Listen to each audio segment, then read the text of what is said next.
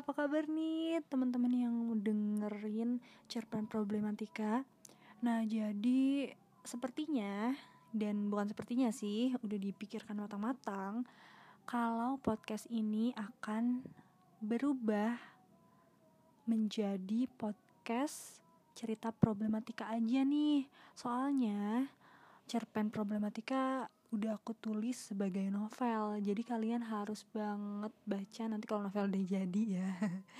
Karena sekarang aku mau fokus di podcast ini tuh untuk cerita-cerita apa yang terjadi yang membuat aku resah gitu ya dan gelisah.